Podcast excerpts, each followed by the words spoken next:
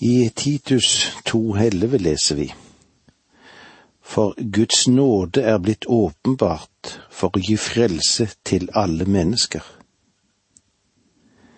Hvem er det som kan lodde dybden av trøst som et slik mektig ord gir oss? Den som kjenner seg selv, vet at det er lettere å tro nåde for alle andre enn for seg selv.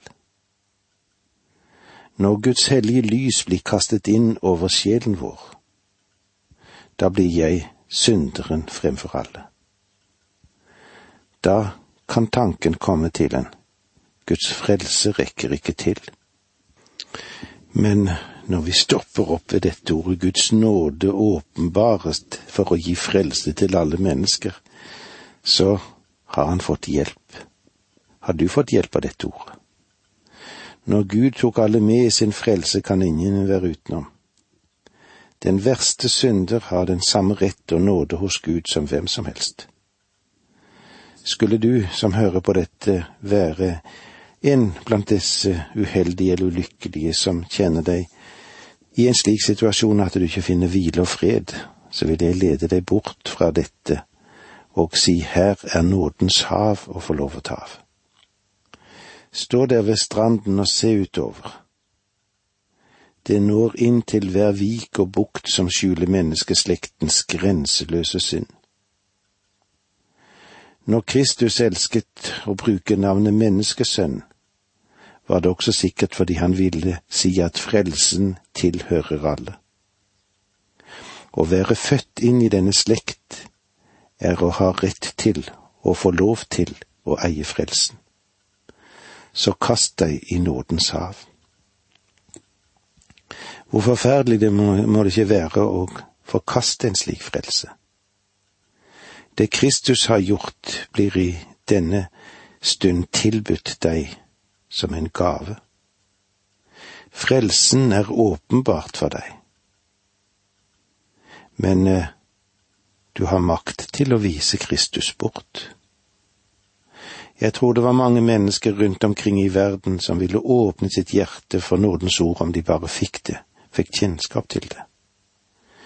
Men er du blant de som forakter Guds sønns blod, som rant for deg, og eh, der forakter du Kristi grenseløse kjærlighet? For Guds nåde er blitt åpenbart for å gi frelse til alle mennesker, også til deg. I vers tolv leser vi slik, i dette andre kapitlet hos Titus. Og Hans nåde oppdrar oss til å si fra oss ugudelighet og de verslige lyster og leve i selvtukt, rettferd og Guds frykt i den verden som nå er. Gud prøver i første rekke ikke å reformere denne verden. Det han gjør, han forløser mennesket som tar imot Kristus.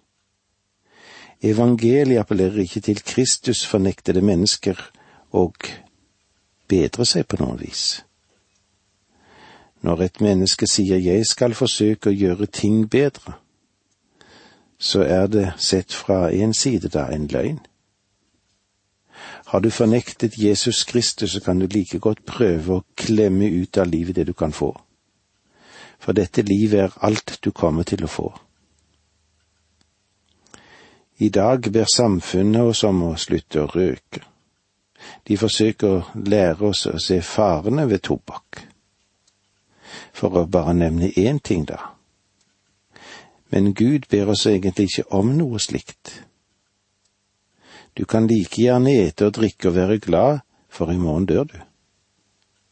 Gud vil ikke reformere deg. Gud vil forløse deg.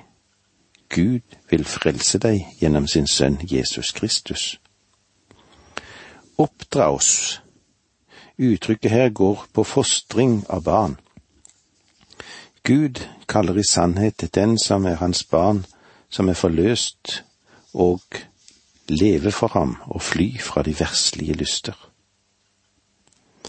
Vers 13 mens vi venter på at vårt håp skal få sin salige oppfyllelse, og at vår store Gud og Frelser Jesus Kristus skal komme til syne i herligheten. mens vi venter på at vårt håp skal få sin salige oppfyllelse. Dette er neste skritt i Guds program. Kristus kommer for å hente sin menighet fra verden. Og at vår store Gud og frelse Jesus Kristus skal komme til syne i herligheten. Dette gjør det klart at Paulus lærte at Kristus er Gud. Han taler om den store Gud som er vår frelser, og hvem er han? Han er Jesus Kristus.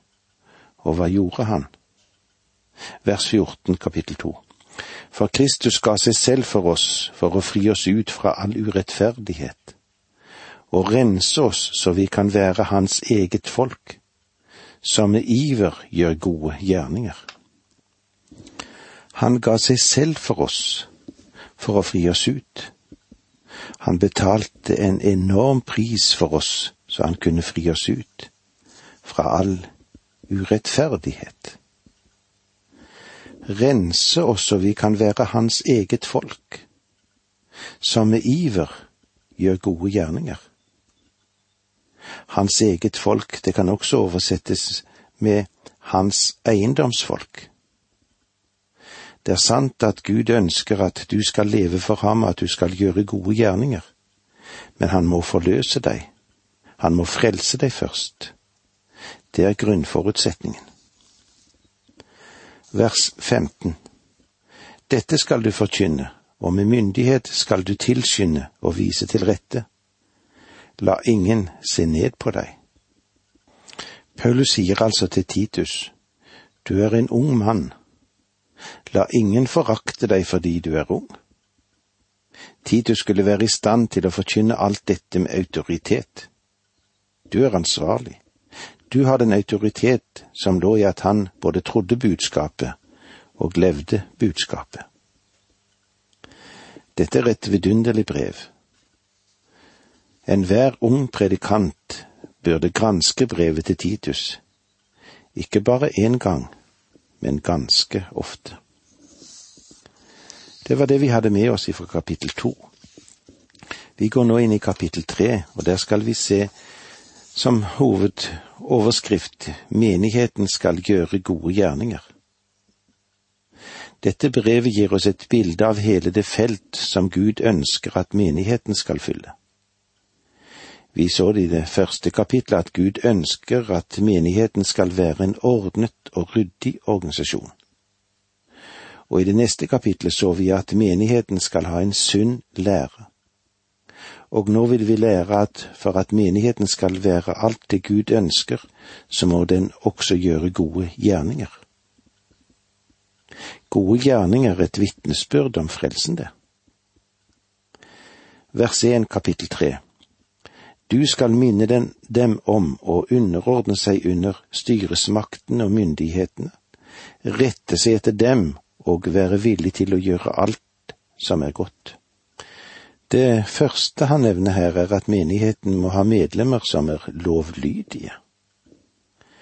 En troende skal adlyde et lands lover, om da disse lovene ikke er i konflikt eller strider mot hans plikt mot det fellesskapet som han har med Gud.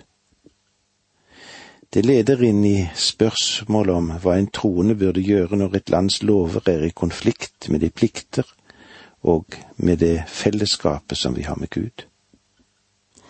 Det Paulus sier, er at det som binder sammen nasjonen og folket, skal enhver respektere, også som troende. Dette verset reiser også spørsmål om kristen skal gå inn i politisk virksomhet eller ikke. Jeg tror at den enkelte kristne er fri til å gå inn i politikken, men jeg tror ikke at det er en kirkens oppgave. Hvis Guds ånd får stelle med oss og bevege oss, så er jeg sikker på at mange mennesker fra de forskjellige menigheter som er villige til å gå inn i de forskjellige tjenester som finnes i samfunnet i dag, er en kristen oppgave og nærmest en kristen plikt. Men det viktigste for oss er jo å formidle det budskapet Herren har gitt oss å formidle, frelsens vei. Det var så langt vi kom i dag. Takk for nå, må Gud være med deg.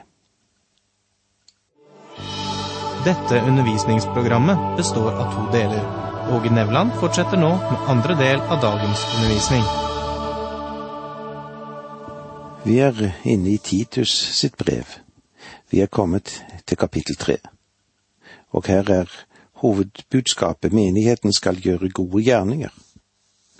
Og som det står i det første verset i kapittel tre, du skal minne dem om å underordne seg under styresmakten og myndigheten, rette seg etter dem og være villig til å gjøre alt som er godt.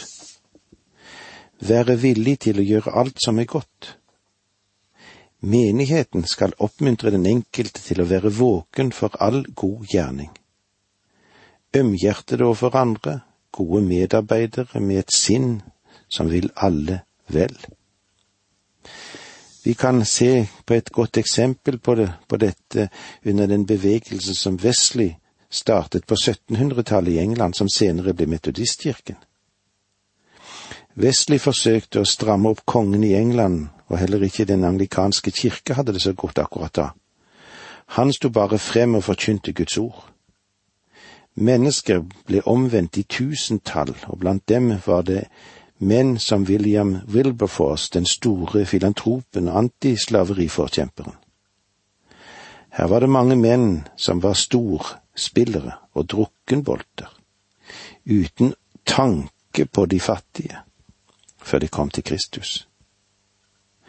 Det var disse som startet den store arbeiderbevegelsen som også er knyttet til vekkelsen under Vestlig England. Dette ble også begynnelsen til en bevegelse mot barnearbeid og beskyttelse av arbeiderne som var på jobb.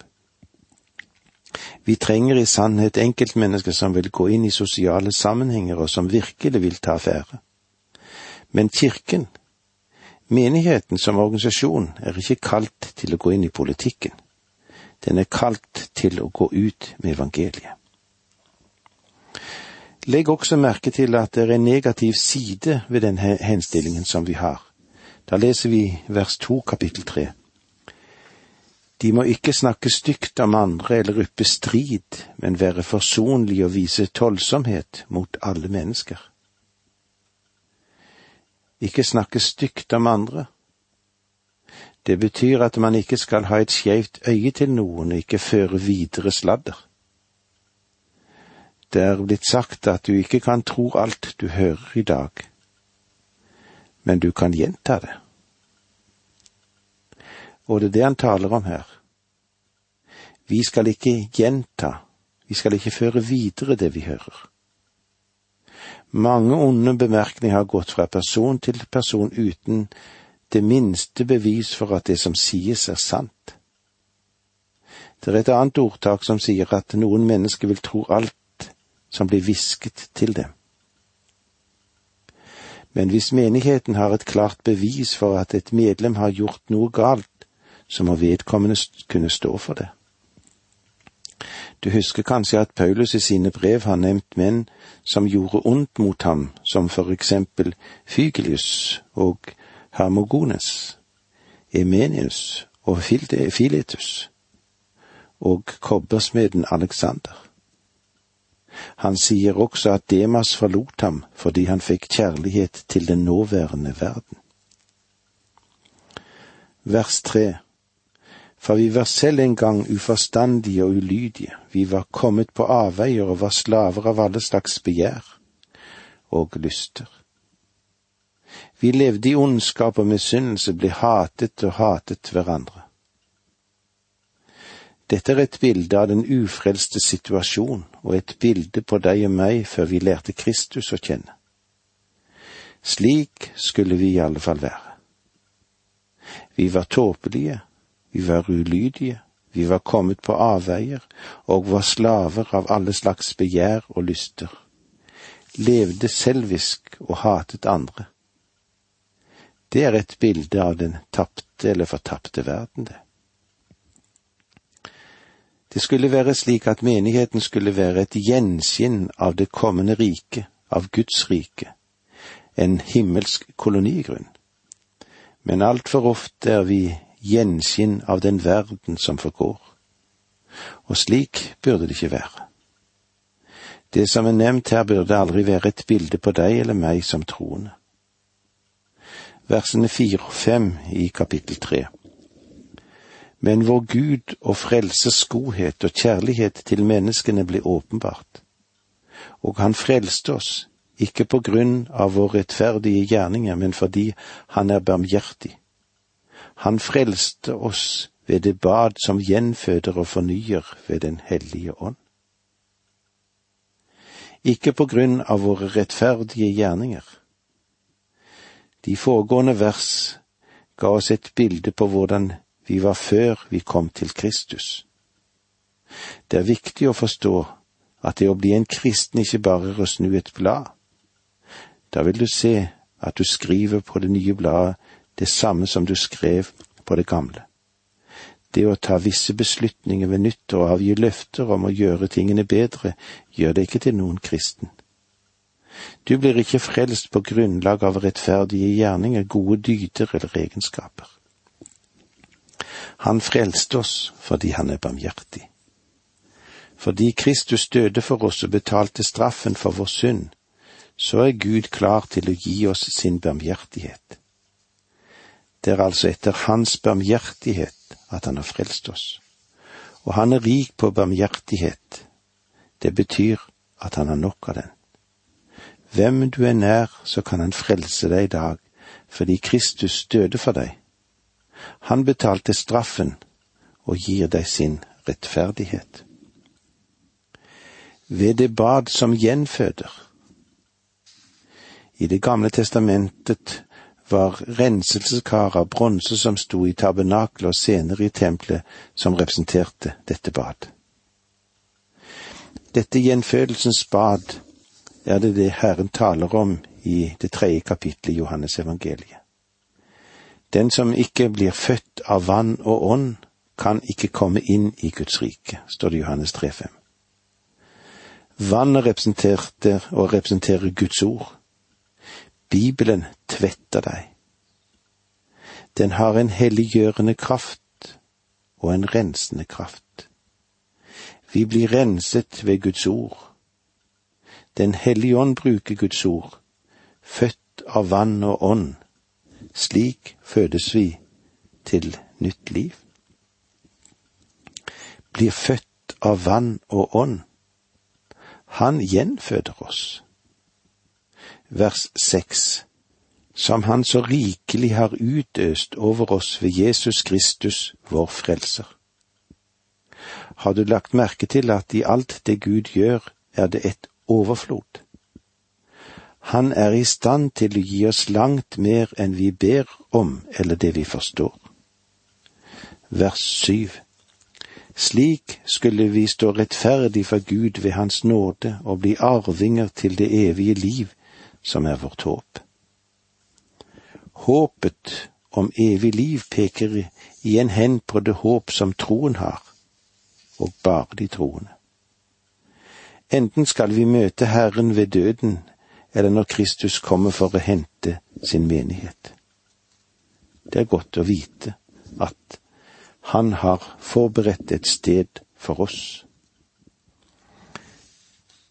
Idet vi går videre i dette kapitlet og eh, stopper opp i vers åtte, er det de gode gjerninger som er nyttige både for nåtid og fremtid. Dette er et troverdig ord, og jeg vil at du skal innprente det jeg har sagt, så de som er kommet til tro på Gud, blir ivrige etter å gjøre gode gjerninger. Alt dette er godt og ganglig for menneskene, står det i vers åtte. Det at en troende blir frelst ved Guds nåde, er ingen unnskyldning for ham til å unndra seg å gjøre gode gjerninger. Man skal være ivrig etter å gjøre gode gjerninger. Og Paulus sier til Titus at han stadig burde bekrefte og forkynne det. Etter at du er blitt frelst, så vil Gud tale til deg om gode gjerninger. Før det så er Gud ikke, egentlig interessert i dine gode gjerninger, for det du vil kalle godt, vil Gud kalle skittent tøy. Menneskets rettferdighet er som skitne filler i hans øyne. Han ønsker ikke noe av det. Han ønsker å frelse deg. Om du kommer til ham slik som du er, så vil han frelse deg, fordi han har gjort noe for deg. Han ber deg ikke om å gjøre noe. Hva kunne du egentlig gjøre for Gud? Etter at du er frelst, etter at du er blitt et Guds barn, så ønsker han å tale med deg om gode gjerninger. Han ønsker at du skal bli engasjert i det som er hans interesser for mennesket i verden. Blir ivrige etter å gjøre gode gjerninger. Sett strek under ivrige. Det betyr at her er noe som, legge, som du skal legge stor vekt på, og som du skal gjøre med stor begeistring. Å gjøre gode gjerninger, det er ingen sur plikt, det er en takknemlig glede som flyter fra deres liv som har opplevd Guds mektige frelse. Og med det må vi si takk for nå, må Gud være med deg.